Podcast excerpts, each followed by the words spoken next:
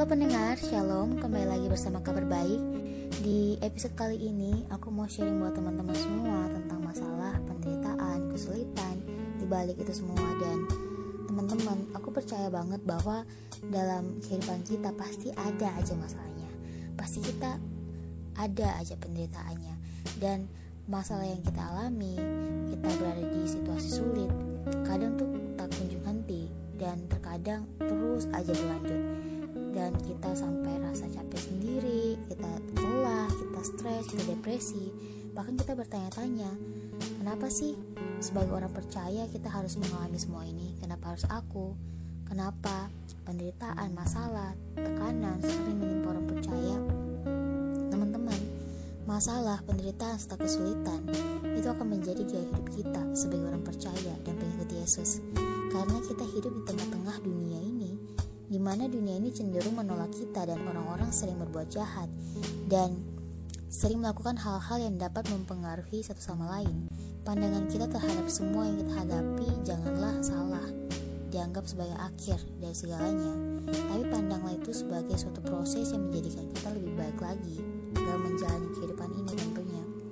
Dan teman-teman ada beberapa alasan nih kenapa kita diperhadapkan dengan semua situasi sulit, masalah dalam kehidupan kita. Yang pertama, untuk perkembangan rohani. Setiap hal yang kita alami, penderitaan, kesulitan, apa pun itu, dapat Tuhan pakai untuk memperkuat dan mengembangkan karakter kita serta iman kita. Melalui hal-hal yang menguji kesabaran dan ketahanan kita serta mendisiplinkan kita dalam menghadapi segala situasi itu. Dalam Yakobus 1 ayat yang ketiga dikatakan, Sebab kamu tahu bahwa ujian terhadap imanmu itu menghasilkan ketekunan. Yang kedua, untuk menegur dan memperingatkan. Inilah bukti bahwa Tuhan mengasihi kita sebagai anak-anaknya.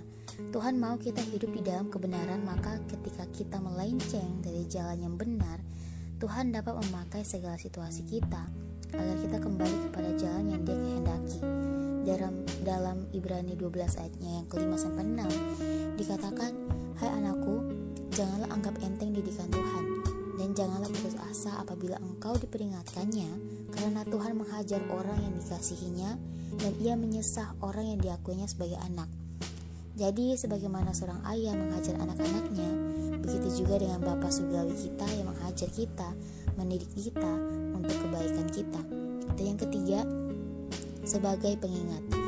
Nah, dalam situasi kehidupan kita, suka maupun duka, Tuhan tuh mau kita selalu mengingat Dia dan dapat terus mengandalkan Tuhan dan membangun hubungan dengannya tentunya. Jadikanlah Tuhan sebagai fokus dan pusat dari kehidupan kita. Dan janganlah mengandalkan diri sendiri, please. Apalagi sesama, lebih daripada kita mengandalkan Tuhan. Dan ingatlah bahwa kita sebagai manusia itu sangatlah terbatas. Dalam Mazmur 103 ayatnya yang ke-14 sampai 16 dikatakan begini. Kita ini debu.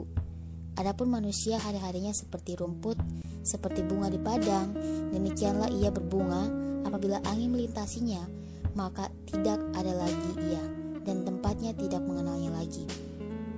Ada juga nih dalam Yesaya 2 ayat yang ke-22, jangan berharap pada manusia, sebab ia tidak lebih dari embusan nafas, dan sebagai apakah ia dapat dianggap? Wow guys, kita ini Dan tidak lebih daripada hembusan nafas doang. Seberapa kuatkah kita sehingga dalam segala hal, segala situasi kita mengandalkan diri sendiri Mengandalkan orang lain? Umur, kekuatan, kemampuan atau kepintaran? Kita ini terbatas Bersifat fana dan pada akhirnya akan lenyap Oke, dan yang keempat Penderitaan, masalah, serta kesulitan kehidupan kita juga bisa disebabkan oleh peran iblis yang mengintimidasi, mencuri, melemahkan, dan menghancurkan kehidupan kita.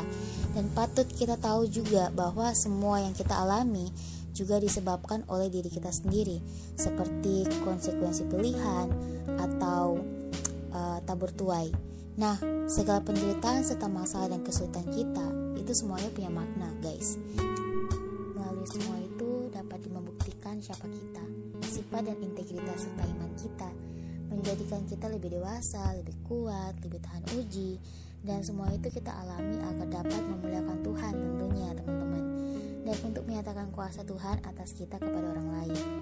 Nah, ada satu hal lagi yang penting nih yang harus teman-teman tahu bahwa setiap reaksi kita terhadap permasalahan dan penderitaan kesulitan yang kita alami itu menentukan apa yang akan terjadi di kemudian hari.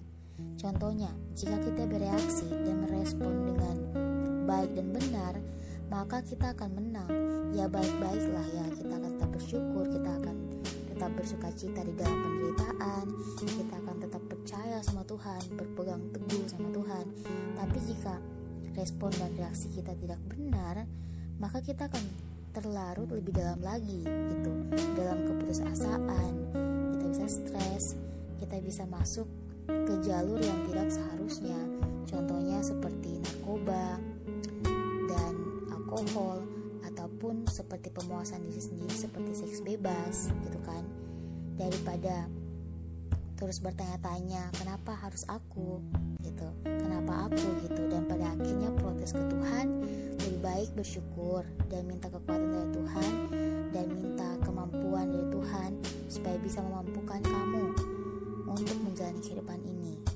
dan Tuhan itu tidak menjanjikan hidup ini tanpa masalah ingat tetapi yang Tuhan janjikan adalah kekuatan, penyertaan, perlindungan, pemeliharaan, dan Tuhan akan selalu menuntun kehidupan kita.